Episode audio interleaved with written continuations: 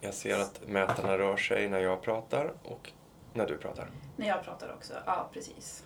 Har du ställt dem på så här olika håll? Ehm, alltså i...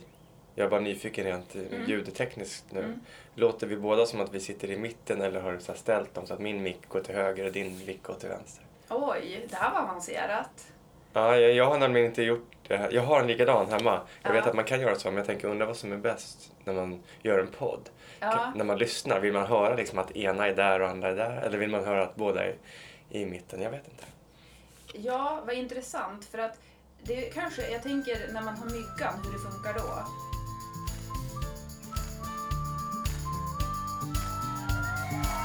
Låt dig smittas av glädje i podcasten som förgyller din dag. Välkommen till Glädjepodden med Sandra och gäster. Det är så otroligt kul att intervjua människor. För att efteråt, man tar ju alltid till sig någonting. Och just nu när jag sitter här och funderar över vad har jag tagit till mig av Thomas Järvheden som är den här veckans gäst. Så är det att jag tycker han verkar vara så himla bra på att följa flödet och han tar sig an det han brinner för för stunden. Till exempel så körde han väldigt mycket TV ett tag, sen har han släppt fem plattor och nu inför hösten så har han en operett på gång. Så det är vad jag tar med mig av Thomas, den här nyfikenheten att bara följa det som är rätt för stunden. Det ska bli spännande att se vad du tar med dig av det här avsnittet. Vi kommer bland annat att prata om lyckliga slumpar, vikten av att släppa sitt ältande, förstå sig på på sociala medier och Thomas kommer också att avslöja en av Sveriges trevligaste kändisar. Känner du att du vill ha mer av Thomas så har du en unik möjlighet att boka hem honom hem till dig faktiskt i sommar. Han ska nämligen ut på en sommarturné. Så då kan han komma hem direkt till din trädgård eller landställe eller vad det nu än kan vara för någonting. Mer info om det här hittar du i poddbeskrivningen. Och en annan som ska ut på en turné i sommar, det är faktiskt jag. Jag ska ut på en glädjeturné och där skulle jag jättegärna önska din hjälp. Jag skulle vilja ha tips på, ja men till exempel, vilken är Sveriges gladaste stad? Har du tips på någon glädjespridare som du tycker att vi ska uppmärksamma? Eh, vars behövs det uppmuntran någonstans? Du kanske har någon glädjeutmaning du tycker att vi ska köra i sommar? Någon aktivitet man bör testa som verkligen ger glädje? Vad som helst som har med glädje att göra, kontakta mig jättegärna. Och den här turnén, den kan du följa via den här podden. Du kan också följa den via Glädjekanalen på Youtube och Glädjefabrikens sociala kanaler. Och är du företagare och på ett sätt vill vara med på den här turnén så är du välkommen. Vi har nämligen satt ihop ett glädjepaket till företag. Och det här paketet det innehåller en miniföreläsning som ett filmklipp som handlar om att glädje smittar. Och det här är perfekt att ha till till exempel sommaravslutningen med medarbetarna, kanske till höstkickoffen, det kan vara, ni kan använda det till, ja inte vet jag, julavslutningen, ni får ju det här klippet så ni kan ju ha kvar det hur länge som helst. Jätteinspirerande är det i alla fall. Och det ni gör då, det är att ni även bidrar till den här glädjeturnén, vilket innebär att ni också bidrar till en samhällsförändring.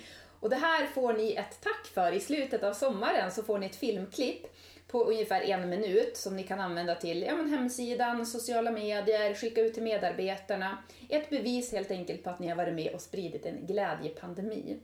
För vem vill inte vara med och sprida en sån pandemi?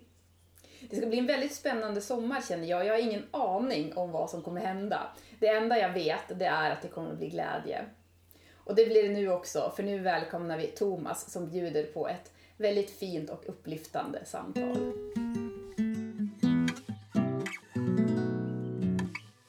Ja, välkommen till Glädjepodden Thomas. Tack så mycket Sandra.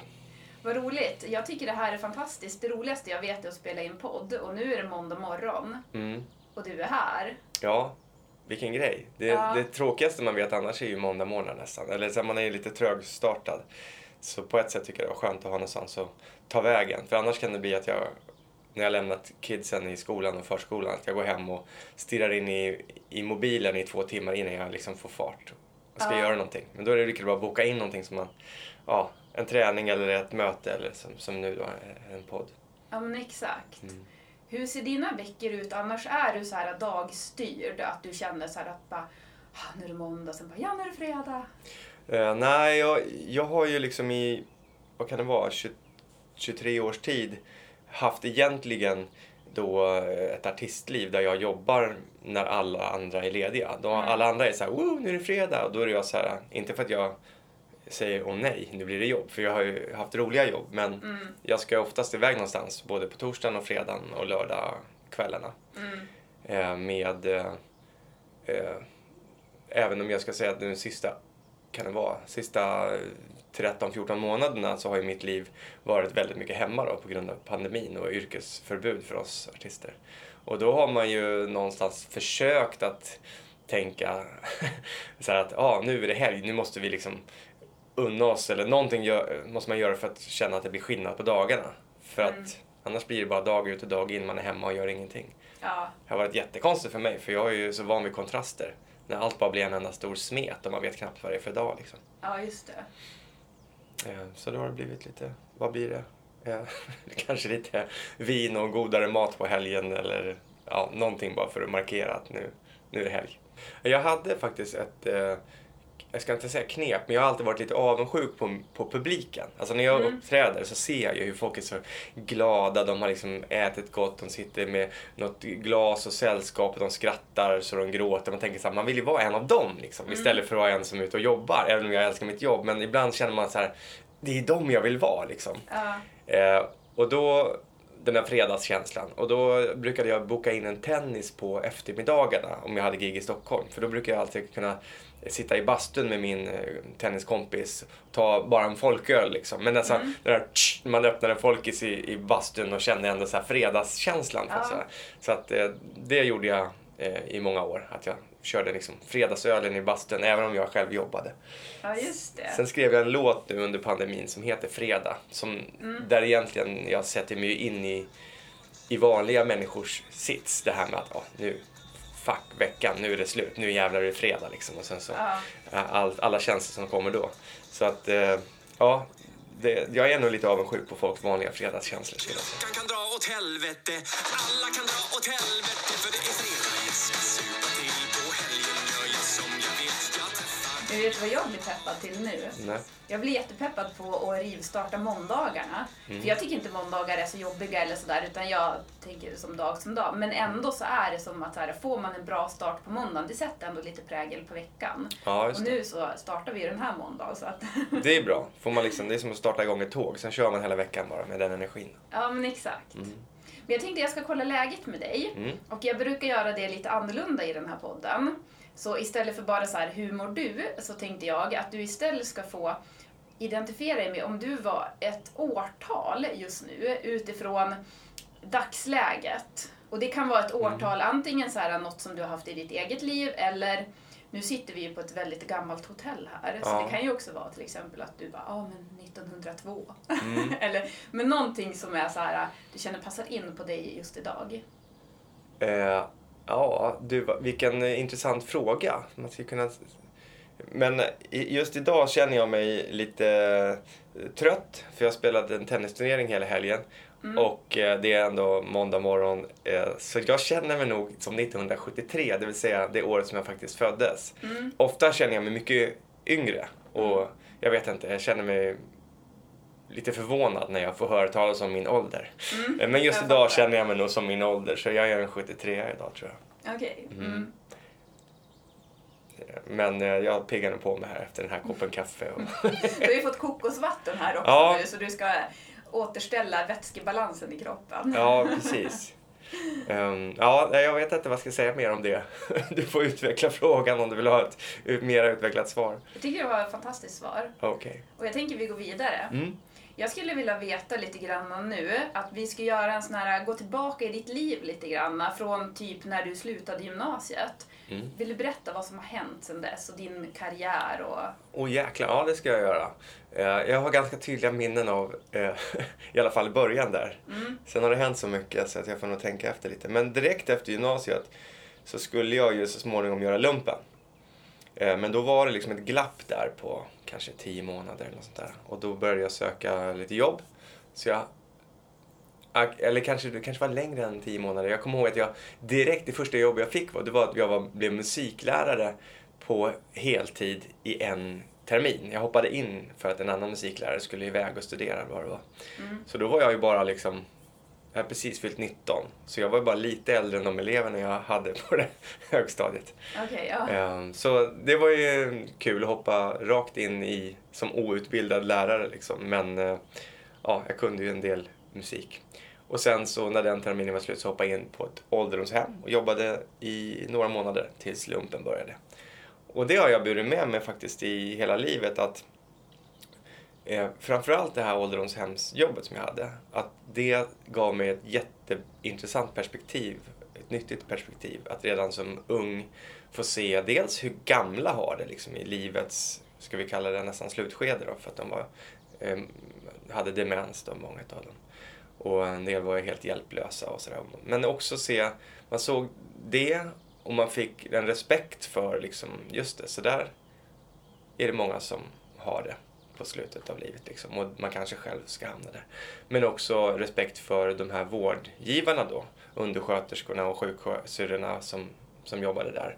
Att man inte blev en sån här dryg artist som aldrig har känt på hur det är att ha ett vanligt jobb. Det. Eh, och det, jag vet inte, jag, jag tycker att, att att kunna uppskatta är ju en jätteviktig del av, om vi nu ska snacka glädje. Och, eh, så det tycker jag, det är nog mitt viktigaste jobb jag har haft. Jag har haft många jobb innan jag blev artist också, men just det här jordade med att hjälpa gamla människor. Eh, och sen, för att återknyta till det här med att kunna uppskatta. Jag har ju också vuxit upp, alltså inte Sverige är ett så bra land så hur, nästan hur man än växer upp här så har man det ju bra. Men jag har inte vuxit upp med liksom en, en eh, silversked i munnen heller utan jag har liksom haft en ensamstående mamma med, med tre ungar och en ekonomi då som skulle räcka till både hem och eh, familj och, och allt möjligt. Så, så att vi, vi med ärvda kläder och ingenting var ju självklart med utlandsresor eller att man skulle få sig en ny cykel eller man fick sommarjobba själv och, och sånt där. Alltså, jag, det är inget gnäll om att gud vad vi hade det tufft men det var verkligen så att man kände att när man började jobba sen och fick en god ekonomi själv att man aldrig liksom tog det för givet. Att kunna köpa sig en fin resa eller inte behöva gå och kolla extra priser och så, utan det är jävligt gött att komma från ett lite enklare håll och sen uppskatta när man har det Ja. bättre. Än alla stackare som växer upp i Stocksund och Danderyd och Djursholm och som hur bra de än får det så kan de aldrig riktigt göra den här lyckliga resan och känna Nej, att det blir precis. bättre. Mm. Tvärtom kanske det blir lite sämre. Fan, jag fick inte samma snurr på firman som min pappa hade. Det saknas en miljard här. Så blir man deppig för det. Jag älskar att du säger de här stackarna som växer upp i Danderyd. Mm, precis. Det är svårt att fejka en, en, uppåtresa. ja, För man kan inte göra det dåligt för sina barn med flit. nej. Utan de kanske får den här re- resan som är helt rak eller snett neråt. Eller snett uppåt beroende på. Men man kan ju liksom...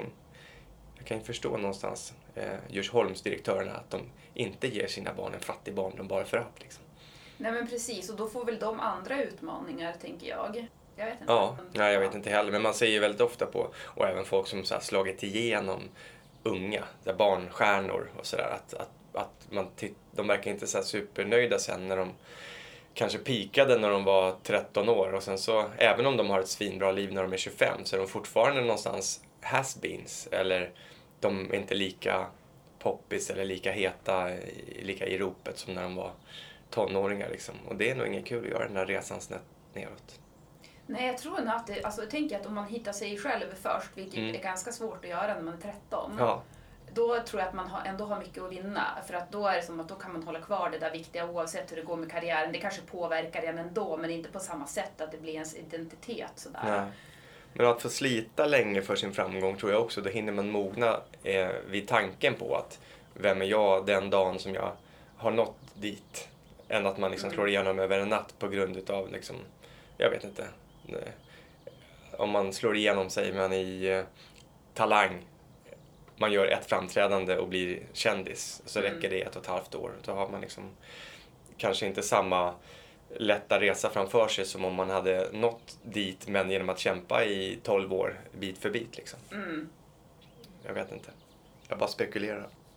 Ja, men, ja. men hur kom du in på stand-up? Eh, jag hade nog... Eh, vad ska vi säga, det, jag hade en känsla ända sedan jag var barn att jag, eh, jag älskade att få folk att skratta. Så jag tränade liksom långsamt men säkert på det liksom hela skoltiden. Så att jag hade ju liksom identifierat mig med att jag var en rolig person. Eh, som hade lätt att liksom hitta på skämt och sådär. Och sen när man såg stand-up på TV eh, som blev populärt där kanske runt slutet på 80-talet, början på 90-talet så kände jag så att det där kanske skulle kunna varit någonting för mig. Eh, men sen så gick åren och man blev liksom en vanlig eh, person som inte riktigt trivdes på de kontoren som jag jobbade på. Då, utan jag, liksom, jag skulle skriva så här, du vet, nyhetsbrev och sånt där. Jag jobbade som någon så här, eh, vad heter det? Eh, någon slags eh, säljassistent eller vad det var. Så här, och, och jag formulerade mina liksom, texter så, här, så att folk skulle tycka att det var kul. Och jag kommer ihåg att vdn kallade in mig och sa så här, Thomas det här är ingen jävla skoltidning som vi gör här liksom. jag bara, fan, så här, när kan man få vara rolig då? Eh, och sen, Och jag hade anställt dig direkt. Alltså det är ju det där man behöver. Ja, men jag vet att många av mina kollegor tyckte att det var jättekul ju, att det Ja. stod roliga saker där liksom. Men, men det var liksom ett, ett Bonnier-företag, det kanske inte riktigt var de förväntade sig. Det är Så- de som behöver det. Mm.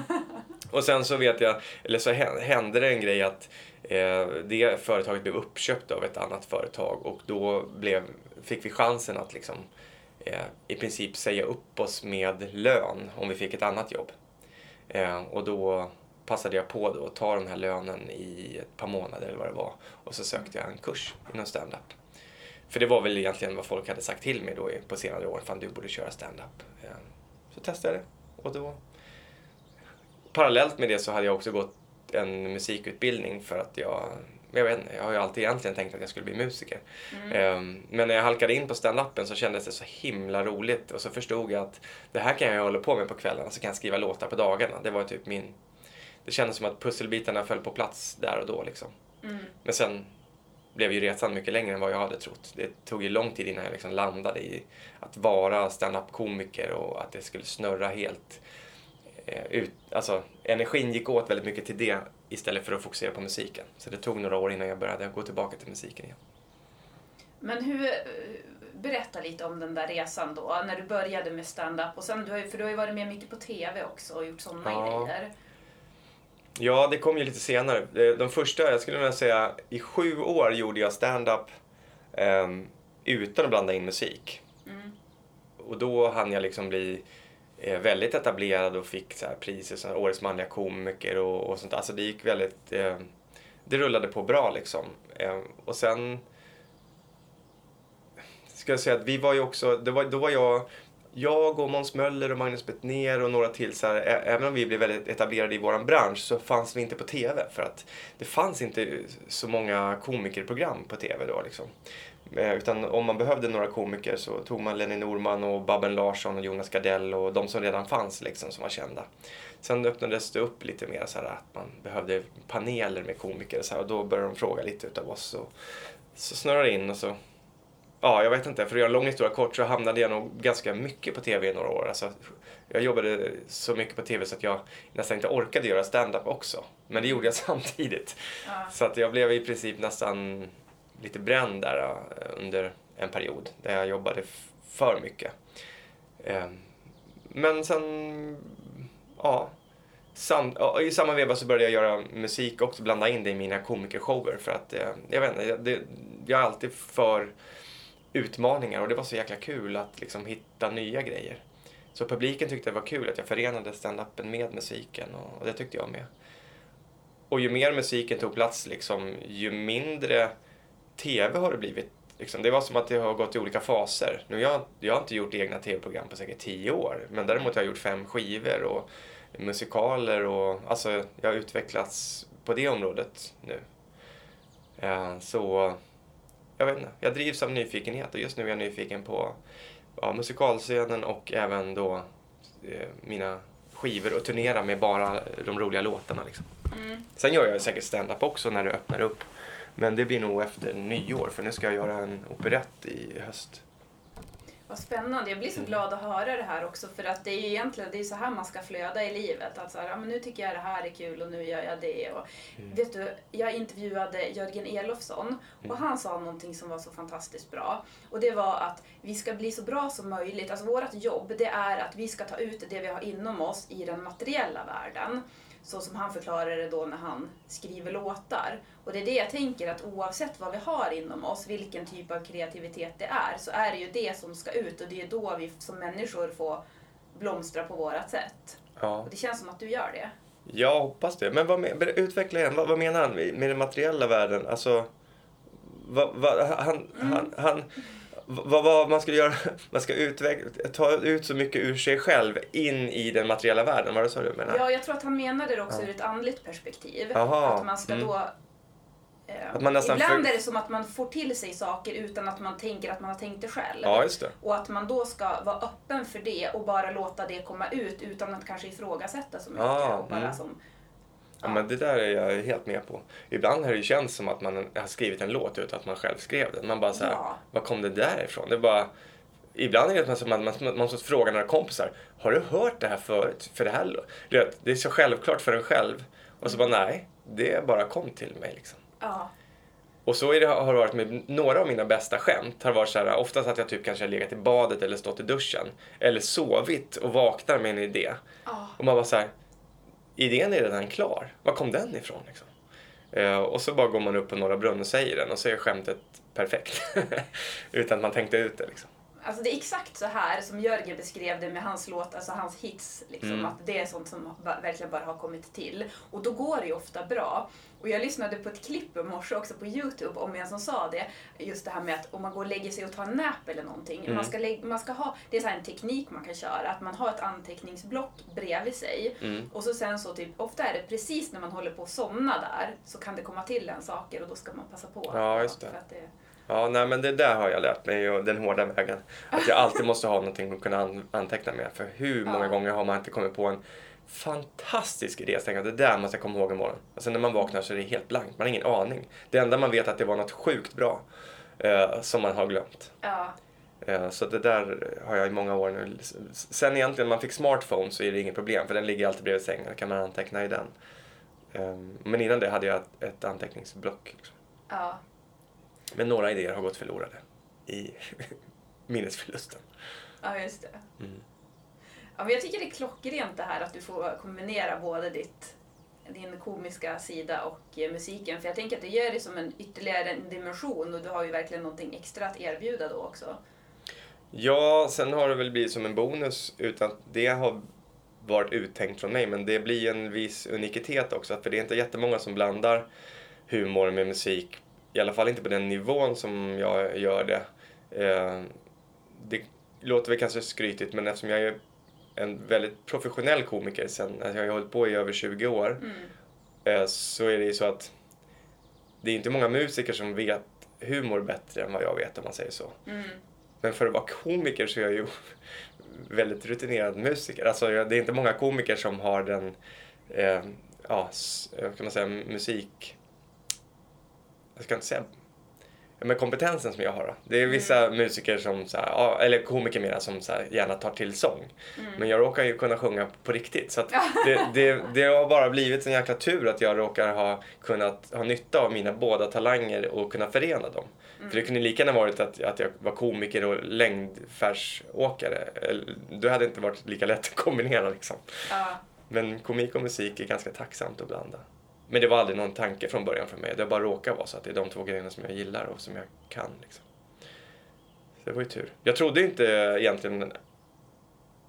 Det kan jag berätta. Första gången jag körde en låt på en komikerscen. Det var ju en ren slump egentligen att jag gjorde det. För att eh, jag hade inte... Alltså jag hade inte fattat att man kunde kombinera de grejerna. Eller jag förstod att man kunde men jag hade inte trott att det skulle vara en bra idé, liksom att publiken skulle gilla det. ja, Utan jag tänkte att jag vill hålla på med musik, eh, jag vill hålla på med komik, eh, men inte liksom blanda, det trodde jag inte. Men sen så hade jag anmält mig till någonting som heter Kamikaze-piloterna och det var att man skulle komma ner till Norra Brunn på sön- söndagar och testa helt nya skämt. Och publiken där visste om att allting ikväll är nytt. Och det gör att det är väldigt spännande för vissa grejer går åt helvete liksom. Och det, då förlåter publiken det för att okej, men vi fattar, det här var bara test liksom. Eh, och just den söndagen så hade jag inte, jag menar, som jag var inne på, jag jobbade säkert mycket ett tag så jag var helt slut och då hade inte jag orkat skriva något nytt. Och då bara tänkte jag, men jag måste ju dit, jag har ju anmält mig. Och sen så bara kollade jag vad jag hade, då var, hade jag skrivit en rolig låttext. Men så tänkte jag, ska jag ta med gitarren och köra? Äh, fan, det blir ju jättekonstigt. Så här. Men ja, jag hade inget annat val. Och så tog jag med gitarren och så sjöng jag den där låten. Och det var då det var liksom jag läste sjuk succé. Jag bara, vad hände här liksom? Så det var det som gjorde att jag sen vågade skriva en till och en till liksom. Så det var ju aldrig min plan, utan det var bara en slump. Mm. Det är det som är så häftigt med livet också, att saker och ting bara händer av en slump och så känns det ändå så menat ibland. Ja. Finns någon sägning på engelska tror jag med lycklig, lyckliga slumpar. Alltså det är väldigt mycket, väldigt mycket bra här i världen har ju kommit utav lyckliga slumpar. Ja. Eh, bara en sån sak som när penicillinet uppfanns. Det var ju liksom spilda brödsmulor i ett forskningsexperiment som började mögla.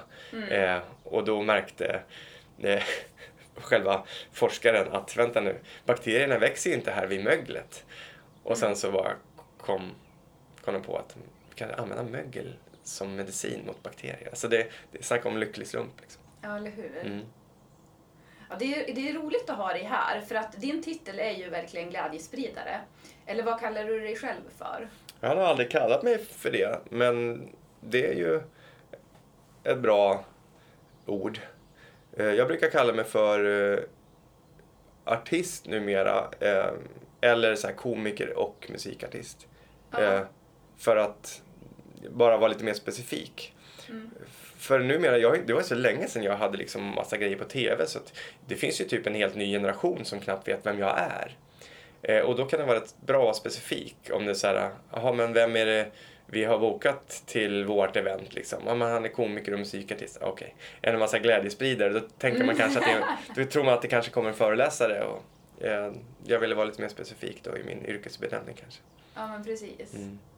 Men det är ett ganska utsatt yrke, tänker jag. Mm. Hur känner du för det? Alltså, känner du, när du började, eller känner du så nu att du behöver verkligen vara modig för att göra det du gör? Framförallt i början så var det ju liksom världens jädra steg mentalt. Att våga stå på scenen och göra just humor. För det är ju liksom, alltså det är ju typ blackout-läskigt. Eftersom drar man sitt skämt och ingen skrattar, då är det sånt allmänt fiasko så man vill bara spola ner sig själv i toaletten där och då liksom. Ehm, men i takt med att jag liksom mer eller mindre blev säker på att det här kommer gå bra ikväll, för att man vet att man kan det liksom, så har ju nervositeten minskat. Och därmed så ska jag säga att jag är inte nervös när jag ska göra stand-up, förutom om jag har varit ledig jättelänge så att man liksom inte riktigt Alltså, när man har jobbat mycket så sitter ju allting på tungan. Alltså jag är helt säker på vad jag ska säga och när och hur. Liksom, jag behöver knappt tänka. Men om jag måste liksom eh, ha, om jag har varit ledig en hel sommar och ska upp på scenen så kan det vara så vet, det känns som att det sitter så djupt, djupt, djupt in i hjärnan. Man måste ha en spade och komma åt liksom, orden och skämten. Eh, det är känslan innan jag går upp på scen och då är man nästan lite panikslagen. Sen när man väl står där så brukar det gå skitbra i alla fall. Det är som att då tillåter hjärnan att ja, men nu är alla dörrar öppna, varsågod och hämta skämten igen. Liksom. Men känslan innan är ju liksom, varför gör jag det här? Varför utsätter jag mig för det här? Idiot, tänker man ju. Liksom. Ja. Eh, och sen även, det kan ju vara så att förutsättningen är dålig också, som om man är bokad på något. Jag vet inte, det, det, kan, det har ju hänt under alla år. Ja, varje år är det en eller två gånger som jag blir bokad och man tänker så här, vad är det här? Hur ska det gå? Liksom, för att, vet, det kan vara någon taklagsfest med 600 byggjobbare som är dukat på längden och man tänker de kommer inte höra mig, de är ju dyngraka och ljudanläggningen är för liten eller ja, det kan vara olika förutsättningar som gör att om man känner att det här kommer inte gå, då blir man ju såklart lika nervös som om man inte tror på sin grej. Mm. Så att det är ett utsatt jobb, absolut. Hur känner du nu då efter pandemin? Ja, alltså jag har ju i princip inte gjort stand-up sen i början av november. Och då hade jag ju varit ledig i flera månader också. Alltså, för det gick upp och ner med de här förordningarna, liksom, hur mycket publik som jag hade så mycket inställda gig och så plötsligt blev man bokad igen och så, nej, då ställdes det in också. Man vågade liksom inte tro på det. Men jag hade skrivit rätt mycket skämt då, i och med att tiden fanns. Så att jag var nervös och så testade jag mina nya skämt på Norra Brunn och det blev liksom superkul. Alltså jag blev så nöjd och tänkte så här, åh, allt jag har tvivlat på, varför gjorde jag det? Det här var ju kanon. Men sen direkt då så ökade smittspridningen och så alla andra gig blev inställda. Så jag har inte gjort ett gig sen i början av november. Jag kommer inte ens ihåg vad jag sa, tyvärr. Ja. Eh, Men det jag känner nu är att jag är mycket mer tillfreds med att ut och gigga och bara göra mina roliga låtar. För att då känns det som att inget kan gå fel. Mm. Så även om jag vet att det nästan alltid brukar bli jättekul när jag kör stand-up så är känslan att det kan ju gå åt helvete. Det vet man ju inte. Man är ju bara ett fiasko från att man är liksom en sopa. Eh, Så fast jag känner mig så rutinerad som komiker så är det mer trivsamt att bara ta gitarren och min gitarrist, vi åker någonstans, vi kör mina roliga låtar. Och det är vad folk förväntar sig, det är vad folk får, alla är glada och nöjda. Men jag behövde aldrig liksom känna att det finns en liten, liten, liten risk att det kan hamna snett här. Nej. Så det är faktiskt glassigare. Och jag ska säga att jag har alltid varit lite avundsjuk på musikartister för det, jag har ju gjort jättemånga sådana här gig där man samma kväll är det jag men också då kanske, vi säger Patrik Isaksson eller eh, vem som helst. Och så tänker jag så här, han behöver ju inte vara nervös. Men jag måste ju vara det för att allt kan ju gå fel när man är komiker. Så jag har alltid tänkt så fan vad nice, bara åka gå ut och köra sina fem största hits. Vilken jävla räkmacka han har liksom. Så det är jag lite nöjd med att jag kan ut och göra nu. Jag kan köra mina låtar och inget kan gå fel. Ja, Och så är det bara en bonus då om du är rolig också. För det Ja. är egentligen inte som att folk kanske har förväntat sig det. Jo, det har de. Ja, det är det du i och för sig. Men Men absolut, det är bonus. När, när mellansnacket blir kul så är det en bonus. mm, Men eh, det ska nog gärna vara kul i själva låtarna också. Annars så kan de nog lika gärna boka någon annan. ja, det är det som är din grej. Du skriver roliga låtar. Ja, Ja. Men du ska ut på någon liten eh, turné här under sommaren, eller hur? Ja, det blir väl någon slags så här rädda situationen-turné som i och för sig är väldigt rolig också. Det är ju det här konceptet när man, när man kan boka hem artister till sin egen altan eller trädgård eller landställe och sen så bjuder man in sina kompisar och släktingar och grannar och så, så blir det liksom en privat spelning. Mm. Det har man ju gjort förr, men då har det mer varit så här, hej vi fyller 40, kan du komma till oss? Men nu är det liksom varenda gig man har är sådana och det är massvis med folk som vill ha den typen av underhållning för alla är ju svältfödda på konserter. Åker du runt i hela Sverige då? Ja, det gör jag men jag har nog inte blivit bokad högre upp än, eh, vad ska vi säga, um, ja men Umeå kanske. Eh, det är, tyvärr är det lite otacksamt med avstånden blir så enorma när man ska upp liksom till högst upp i Sverige. Ja, ja, ja. Och då börjar man känna att det är, så, det är så glest mellan orterna så att det är lättare att bara åka runt här i Mälardalen och kanske lite runt i Skåne där jag ändå har en sommarstuga med familjen och, och sådär. Men om någon frågar så, ja, jag, jag tycker det är nice att åka runt liksom. Har du fortfarande lediga tider? Ja, det har jag. Eh, Ja. För att jag, det var typ bara häromdagen som jag gick ut med att nu kan man boka mig via det här Trädgårds Live som det heter. Eh, jag hade jag har avvaktat in i det sista med du vet, restriktioner och det. Man visste inte om, om man skulle kunna göra liksom, riktiga offentliga spelningar och sådär. Men Ja. nu, är det, nu är det hög tid att börja boka ut sig på privata grejer. Ja, men då länkar vi det i poddbeskrivningen här också. Som Ja, men det som lyssnar jag. då som känner att de vill boka. Ja, nej men det, det är svinkul faktiskt. Och då kan man också i samspråk, det blir så personligt, man kan ju liksom önska låtar utav mig och så här.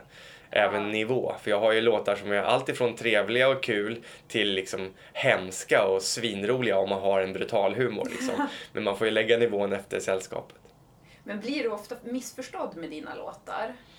Inte av mina fans, men om någon envisas med att ta ut liksom det värsta från min repertoar och lägga i ett helt annat sammanhang utanför eh, komikerbranschen, då är det klart att då kan ju folk undra vad fan är det här liksom. Då har man nog blivit missförstådd från att vara allt ifrån liksom eh, ja, nej men att man, att man inte fattar tror folk då kanske, eller att man är eh, har helt fel värderingar kanske på olika sätt. Sådär. Men ja, det är återigen, man kan inte göra så med, med humor, att man tar en liten grej och tar det ur sitt sammanhang.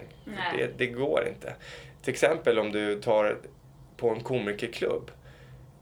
När publiken är där inom de fyra väggarna med den stämningen där och då, då är det ju komikerns uppgift att dra sin humor så långt det bara går inom den ramen just där och då. Och publiken bestämmer hur långt är vi villiga att gå med här. Och ju närmare man går den här gränsen för att nu är det inte okej längre, ju roligare kommer det vara. Folk kommer skratta, ha ont i magen och nästan chockskratta och gråta av, av, av liksom glädje. Eh, Men det är ju för att där var överenskommelsen att okej, vi fattar att nu är det här på skoj. En annan kväll, kanske det är en tisdag och det sitter två företag som har bokat ganska stor del av klubben och sen lite fans liksom. Gränsen kommer inte alls vara lika, det är inte lika högt i tak den kvällen. Då är det komikerns gräns att ligga och latcha precis kring den tisdagskvällens gräns. Och det kan bli lika kul för att det är, oh vad vi är nära gränsen här. Eh, för de här företagarna kanske, de tycker så här, oh, de sitter med en klump i magen, han går väl inte över den här gränsen här nu liksom. Men de här uh, fansen som var där kanske inte heller tyckte att fan det här var väl inte så nära gränsen för vår gräns. Det är liksom inte lika tacksamt att ha helt heterogena grupper på det sättet. Alltså du vet, eller är det helt heterogent, att det är bara fullt av olika sällskap? Det tycker jag är kul. Men om det är två dominerande sällskap, företag och sen lite ströfans, det är svårt för oss. För då, då kan man inte göra alla lika nöjda, förstår du vad jag menar? För gränsen är inte lika... Alla är inte lika överens om var går gränsen här ikväll liksom. Men, ehm, men återigen, om, det är min uppgift att ta det så långt det bara går för att publiken ska vara nöjd den kvällen. Och tar man då liksom den här perfekta lördagen när allt var så jävla sjukt och alla ett skratt. Tar man ett skämt, tar det ur sitt sammanhang och citerar det kanske i en krönika i Aftonbladet liksom på onsdagen. Det här sa Thomas Järvinen. Då är man ju liksom, eh, ja då har man ju förmodligen ingen värdegrund, man är förmodligen eh, helt sjuk i huvudet liksom och ska utvisas ur landet. Ja, men jag tänker att det är väldigt modigt för att i dagens samhälle så känns det ju som att oavsett vad så får man ju knappt säga någonting för det går ju alltid att ja, man vill det känns som att människor vill sätta dit varandra så himla mycket. Ja, klistra etiketter och peka finger vill ju folk gärna göra. I alla fall i såna här förståsigpåare på sociala medier. Och det känns ju lite som att en del har nästan det som sin identitet. Att de vill vara en sån här viktig Petter som har de är så goda och vill visa hur dåliga alla andra är liksom. Och ju mer de pekar, ju mer eh, stiger de i status i sitt ryggdunkargäng liksom. Men egentligen så, jag vet inte vad de bidrar med för någonting. Eh, ja, och som komiker så känner jag att jag kan inte eh, rätta mig efter dem. Då finns ju inget Nej. kul kvar överhuvudtaget. Liksom. Och publiken är ju till 98,5% fortfarande den här vanliga eh, vanliga människor som vill bli kittlade, som vill liksom, oh, fy fan Ja. vågen, och gud vad kul att han liksom drog det så långt eller sådär va. Men, eh, men eh, de här förståsigpåarna och, och godhetskrigarna, de har ju tagit så mycket stor plats på sistone så att man kanske ibland tror att oj, oj, oj, hela, hela landet har förändrats och numera får man inte ha roligt och så här. Det får man visst, det. folk kräver det, de vill ha roligt. Men, men det gäller att bara ignorera de här värsta ja, fjantarna om jag får säga det så. Sen är det klart att liksom gränser har förändrats under de här 20 åren jag har gjort eh, komik. Men det är ju liksom, samhällen förändras ju självklart och kultur förändras. Men det, det är ju inte så att, att det har förändrats radikalt och lika mycket som, som vissa vill göra gällande. Utan folk behöver fortfarande skratta och de behöver fortfarande bli provocerade. Och, och, och få, ska vi säga, eh, det är en slags lättnad att, att man liksom laddar ur känsliga ämnen genom att få skratta åt dem. För att saker och ting tas på så, så jäkla stort allvar ju. Och, och det, det tycker inte folk om. Man måste ju få skratta åt precis allting. Det är därför jag tycker det blir så dålig energi. De som ska vara så himla alltså så här extrem PK och ska hålla på och ha så starka åsikter. Och än om det är en åsikt som är bra men den är Mm. emot någonting, då tycker jag att det är då, alltså det, kan ge dålig energi. Mm. Jag tänker så här att istället så gillar jag mer att man kanske förstärker det som är bra istället för att man ska hålla på och ha en jättestark åsikt mot någonting. Ja, det. Och det gillade jag. Jag lyssnade på dig när du var med i Nemos podd, Nemo möter en vän. Mm. Och då pratade du om det här. Vill du berätta vad det var? Ja, men då, var, då kom vi väl in på det här med eh, godhetssignalerande någonstans. Att det har gått så pass långt att om, om alla lägger liksom, vi tar det här lite eh, ja, tydliga exemplet att om alla lägger den franska flaggan på sin Instagram eh, på sitt Instagramflöde för att det har varit ett terrordåd i, i Paris säger vi. Och om man inte gör det då, då blir det som ett statement att man typ är för terrorism. Eh, och jag, jag ruttnade lite på det, för jag, jag är ingen sån gruppmentalitetsmänniska som, som springer i flock. Utan jag blir nästan anti. Jag känner, så här, nej men om alla andra gör det, då, då tycker jag det bara det är bara någonting som tar emot. Att jag vill inte vara en av de som känner att jag måste signalera att jag är emot terrorism, för det är så självklart för mig. Självklart är jag emot terrorism och självklart solidariserar jag med de som är lidande oavsett vad fan det gäller. Men det känns som att en del har det som i sin identitet, att titta vad jag är god, titta vad jag är god liksom. Men, så här, men det, det är väl grundläget att man ska vara god. Se till att inte vara ond då istället och gör massa bra saker istället för att liksom gå runt och skylta. För det hjälper ju ingen att, att alla liksom lägger samma grej. Eh, och det blev ännu mer påtagligt tyckte jag när den här BLM-grejen kom med Black Lives Matter. Att hela Instagram, det var svart, svarta rutor överallt. Och man kände så här att, jaha, kommer folk tro att jag är rasist nu om inte jag lägger en svart ruta här? Vilket det känns helt befängt, för det var liksom det som hade hänt var en helt annan världsdel med en helt annan politik, en helt annan slags poliskår, ett helt annat samhälle med en helt annan historia. Där vi liksom Ja, men det, det, det är så mycket olikheter, men där vi ska lajva att vi är exakt samma samhälle som dem. Och nu måste jag göra samma signal i min Instagram. Äh, och, och- och jag är lite inne på det som du säger, att, att det är, Gör något kul, gör något bra istället för att visa allt vad som är dåligt hela tiden. Jo, för det man fokuserar på växer ju. Om du ska hålla på och skriva ut så här, men titta det här är så himla dåligt och bla bla bla.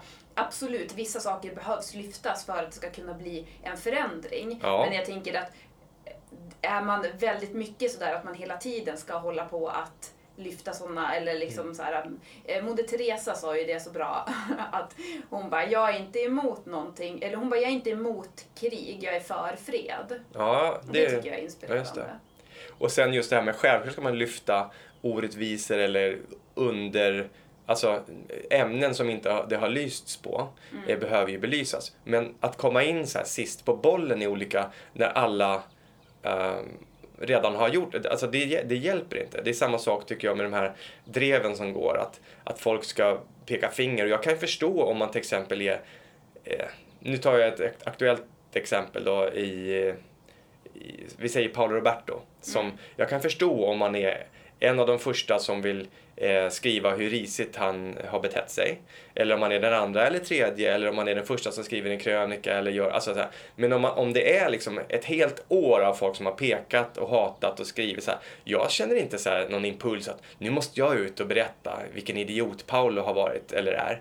För jag känner så här, men det är ungefär som att komma till, till skolgården när någon eh, ligger ner och har varit mobbad av liksom tre klasser redan. Och så kommer man sist efter gympan och bara, jag ska också lägga en spark här. Jag ser inte liksom, vad, vad, är, vad, är, vad leder det någonstans?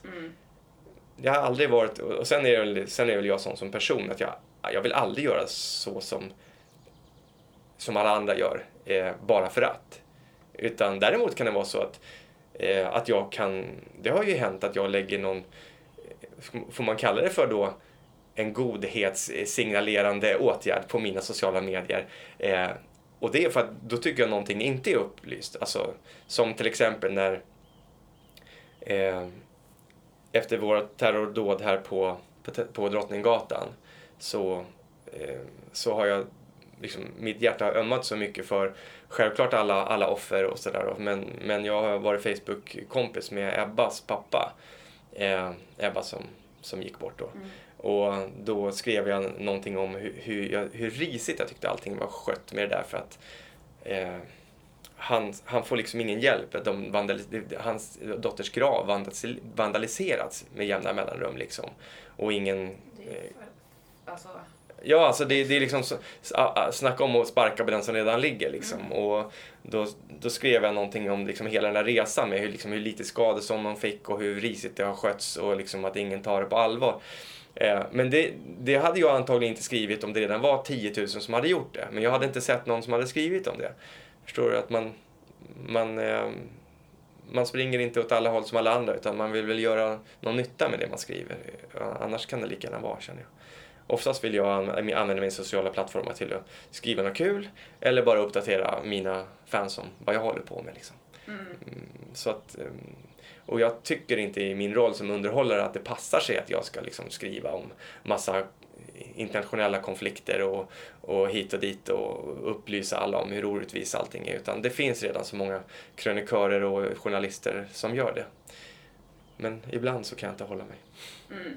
Nej men alltså man får ju göra precis som man vill och Mm. när man känner att man har någonting som man vill ut med. Det är precis som vi pratade om där med låtar eller vilken kreativitet den är. Om det är någonting som, och ibland så kan det ju vara någonting också som man känner det. Men vissa är ju väldigt fokuserade just på det här med att jag tror att vi människor ältar lite överlag lite för mycket. Att det är så här, jag tänker att Egentligen är det ganska enkelt. Vi har ett problem. Vad, vad är lösningen? Istället för vi har ett problem, vi har ett problem, vi har ett problem. Alltså du vet att det blir Ja. liksom att det är så här, det bara ska ut att vi har ett problem. Men Mm. att vi behöver mera bara så här, ja men vad, vad gör vi för det? Så. Ja, Och just nu så känner jag också så att, ja men som till exempel du har ju ett, en jätteviktig roll i det du gör. Du får folk att bara skratta och släppa Ja. sina problem ett tag. Så det är ju så här, du stoppar säkert, tänk hur mycket ältande du har stoppat genom åren.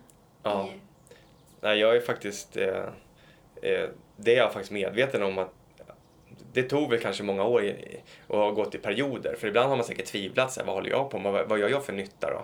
Men ju mer, ju äldre jag blir och ju, ju mer har jag sett hur, hur många som mår dåligt och hur många som grubblar eller har bekymmer eller liksom... Eh, och jädrar vad man kan känna då att vad nyttigt det är för folk att bara få släppa det en timme, skratta och bara få så mycket energi och ja, kanske ett annat perspektiv till och med om man eh, men det räcker ju bara att få en paus faktiskt. Och just stand-up har jag märkt att det är faktiskt ganska många jag ska inte säga ganska många, men det är tydligt för mig att en del ensamma människor söker sig till standupklubbarna. Eh, Det är inte så att publiken består av massa ensamma människor som är ledsna, men väldigt ofta ser jag att det finns en eller två människor på klubbarna som återkommer. Som, där får de en stor dos gemenskap. Alltså tillsammans med 200 andra människor skrattar de så de gråter och känner att de är ett med rummet och gänget den kvällen.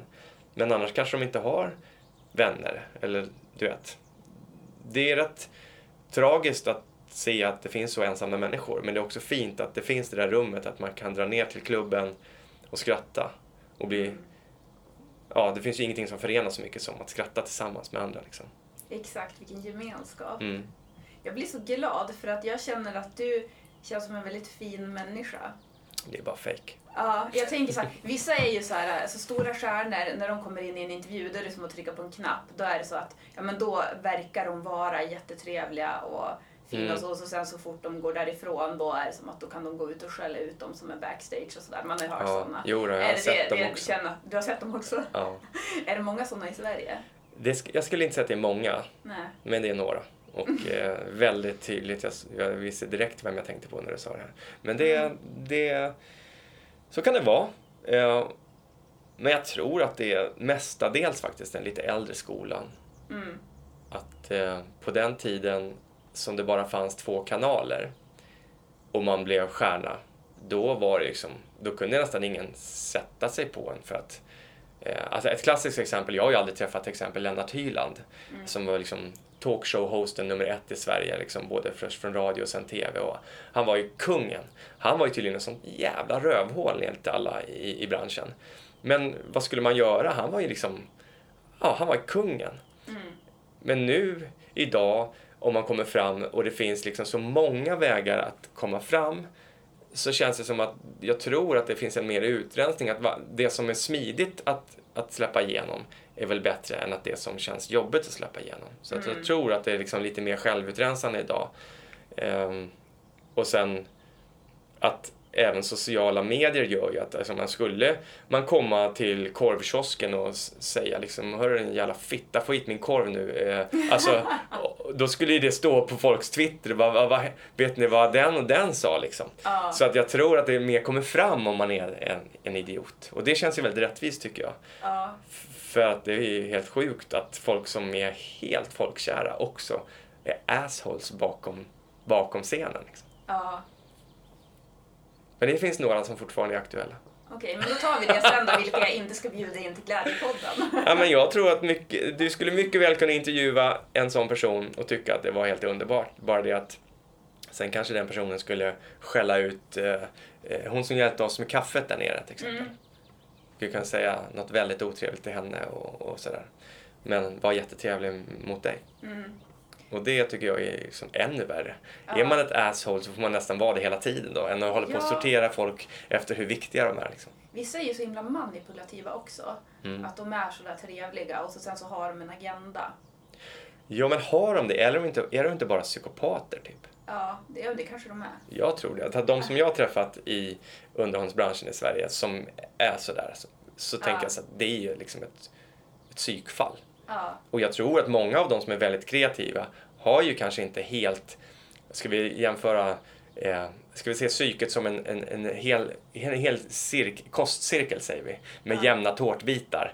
Eh, så ser inte en kreativ människa ut, att man kanske har liksom en överdrivet stor eh, tårtbit någonstans för att man är så himla kreativ och kanske inte har några gränser. Det är därför man har gjort så himla mycket kul eller så mycket bra manus eller vad som helst. Men så kanske tårtbiten för eh, social kompetens kanske är svinliten då istället. Eller en känslomässig eh, tårtbit kanske är helt skev för att man är så himla överdrivet stor tårtbit någon annanstans. Det är min teori kring varför vissa kommer så långt. För att de är helt skeva i liksom sin eh, mentala kostcirkel. Eh, och det, det tror jag att det är liksom en del psykopater kanske. Som är, jag tror att det är överrepresenterat i alla fall i kändisbranschen. ja. Ja, Jag råkar i alla fall veta, vi har ju en gemensam vän.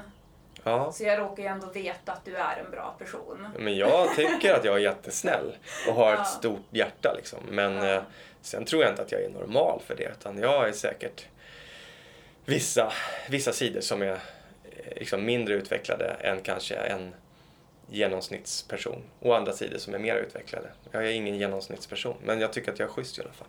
Men så är det ju, och vi är ju alla människor och jag tänker att det är också väldigt viktigt att man får vara människa, att man får göra sina fel. Att man inte ska eftersträva perfektion på något sätt. Ja, Eller man kan ju eftersträva att bli så bra som man kan, men Men det ska ju helst inte gå ut över andra människor. Liksom. Det, det är väl det som i alla fall jag är väldigt medveten om. Men det känns, jag, jag vet inte.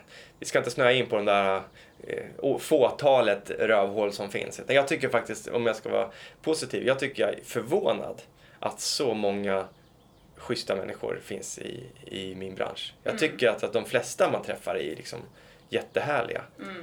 För man trodde nog att vissa skulle ha fått hybris och vara dryga och sådär. Men det är bara ett fåtal. Jag tycker, jag vill bara ta ett exempel som så här, Martin Stenmark som jag har jobbat med i olika produktioner. För att man liksom råkar vara artist samma kväll någonstans. Oavsett om det är någon julshow här eller någon turné där. Så. Vilket, han, är, han är så oerhört trevlig så man tänker så här, hur är det möjligt att en framgångsrik artist är så trevlig? Men han kanske är tvärtom. Han kanske har haft talang hela tiden men också för att han är så trevlig så vill folk jobba med honom. Och, Ja, du vet exakt. sådär. Och så är det med, med väldigt många som jag träffar, att de är svintrevliga. mm, vad fint att du lyfter någon också. Sådär. Men du Thomas, du ska få några avslutningsfrågor här Mm. nu. Jag skulle först vilja veta, vad är det bästa med att vara du? Och jag skulle säga efter alla om och men och eh, vägar man har gått och omvägar man har gått. Det bästa med att vara jag, det är nog att jag har landat i att jag får hålla på med det som jag tycker om att göra. Alltså att, för det kände jag att min nivå av lycka ökade så otroligt mycket när jag kunde identifiera mig med att vara den som jag vill vara.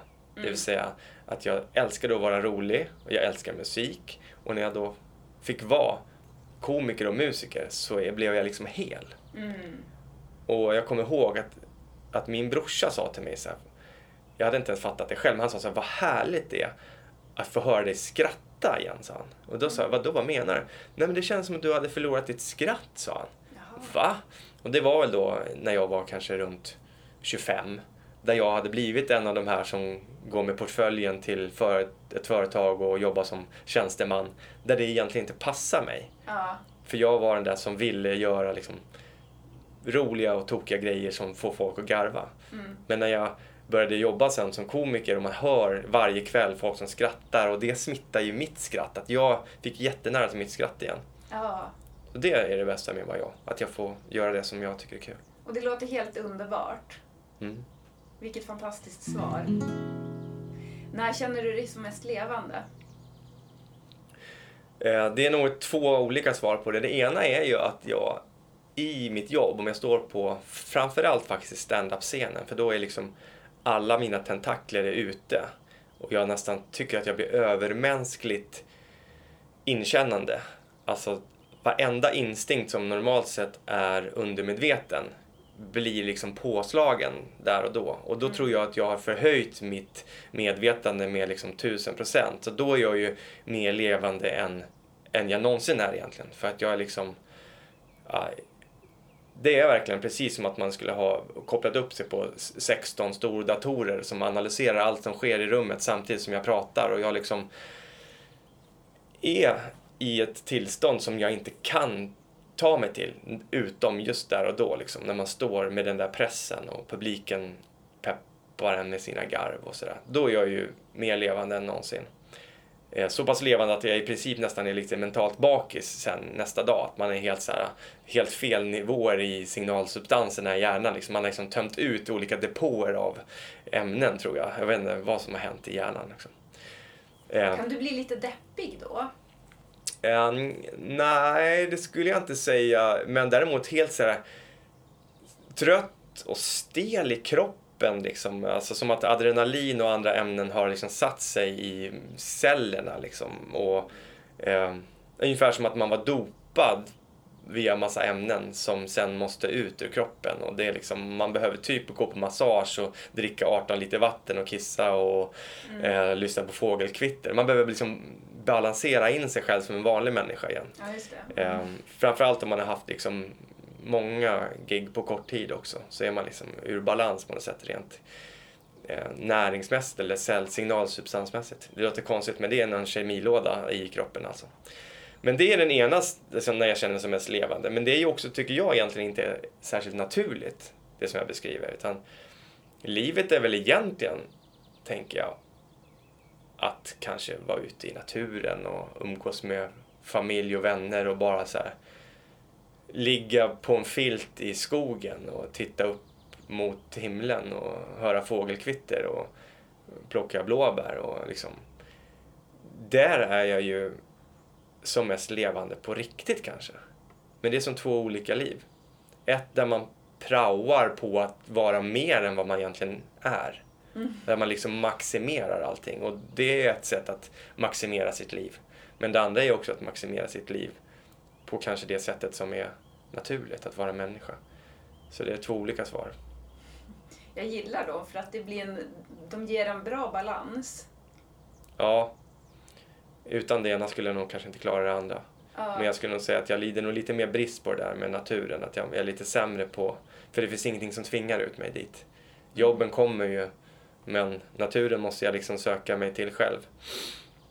Men det, några av de underbaraste ögonblicken på senaste år har ju varit både underbara ögonblick på scenen men också så när man kommer hem helt trött efter att ha gjort fyra föreställningar på helgen och, och sen så på söndagen så tar man med sig familjen ut och min, min gamla mamma också så det är som någon skogspromenad, plocka svamp och fika liksom. Mm. Det är ju helt underbart på ett annat sätt.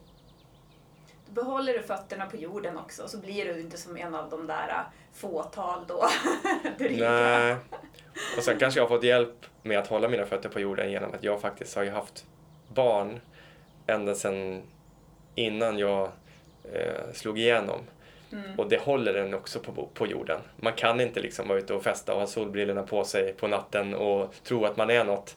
För att mm, tidigt på morgonen ska man bli väckt av en liten unge som, där är man bara pappa.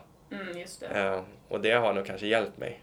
Mm. Jag kanske, jag kanske också hade varit en sån kokainsniffande idiot eh, om jag hade inte haft mina barn som hållit mig på mattan. inte för jag tror det, för jag har aldrig hållit på med droger. Men jag menar, eh, det har nog hjälpt mig att hålla mm, fötterna på jorden.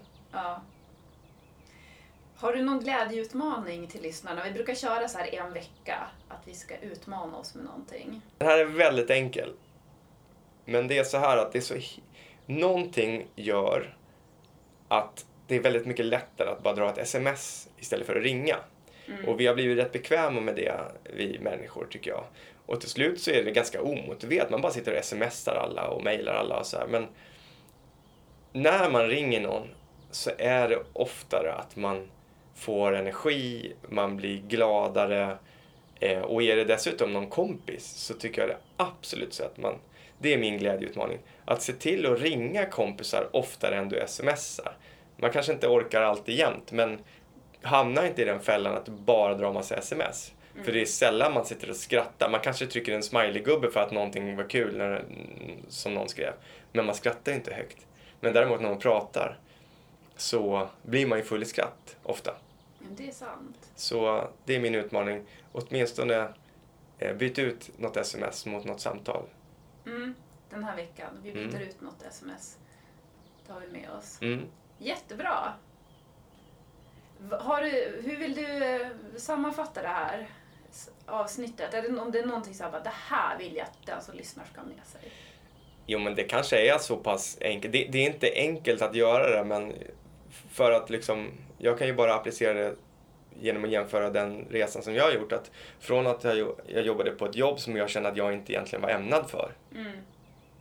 Jag kunde göra mina jobb som jag gjorde då, men alltså när jag jobbade på kontor och sådär. Men som jag känner att jag, hela jag är ämnad för något annat. Så jag har ju blivit en mycket lyckligare person av att jag faktiskt sökte mig till det som jag känner att jag var gjord för att göra. Mm.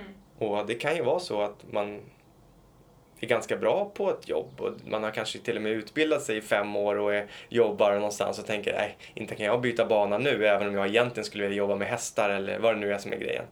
Men det är ju faktiskt en riktig glädjeutmaning. Jag tänker, det är inte för sent att sadla om och göra någonting som man egentligen skulle må mycket bättre utav. Det kan det kanske är en två steg bakåt för att komma fyra steg framåt sen.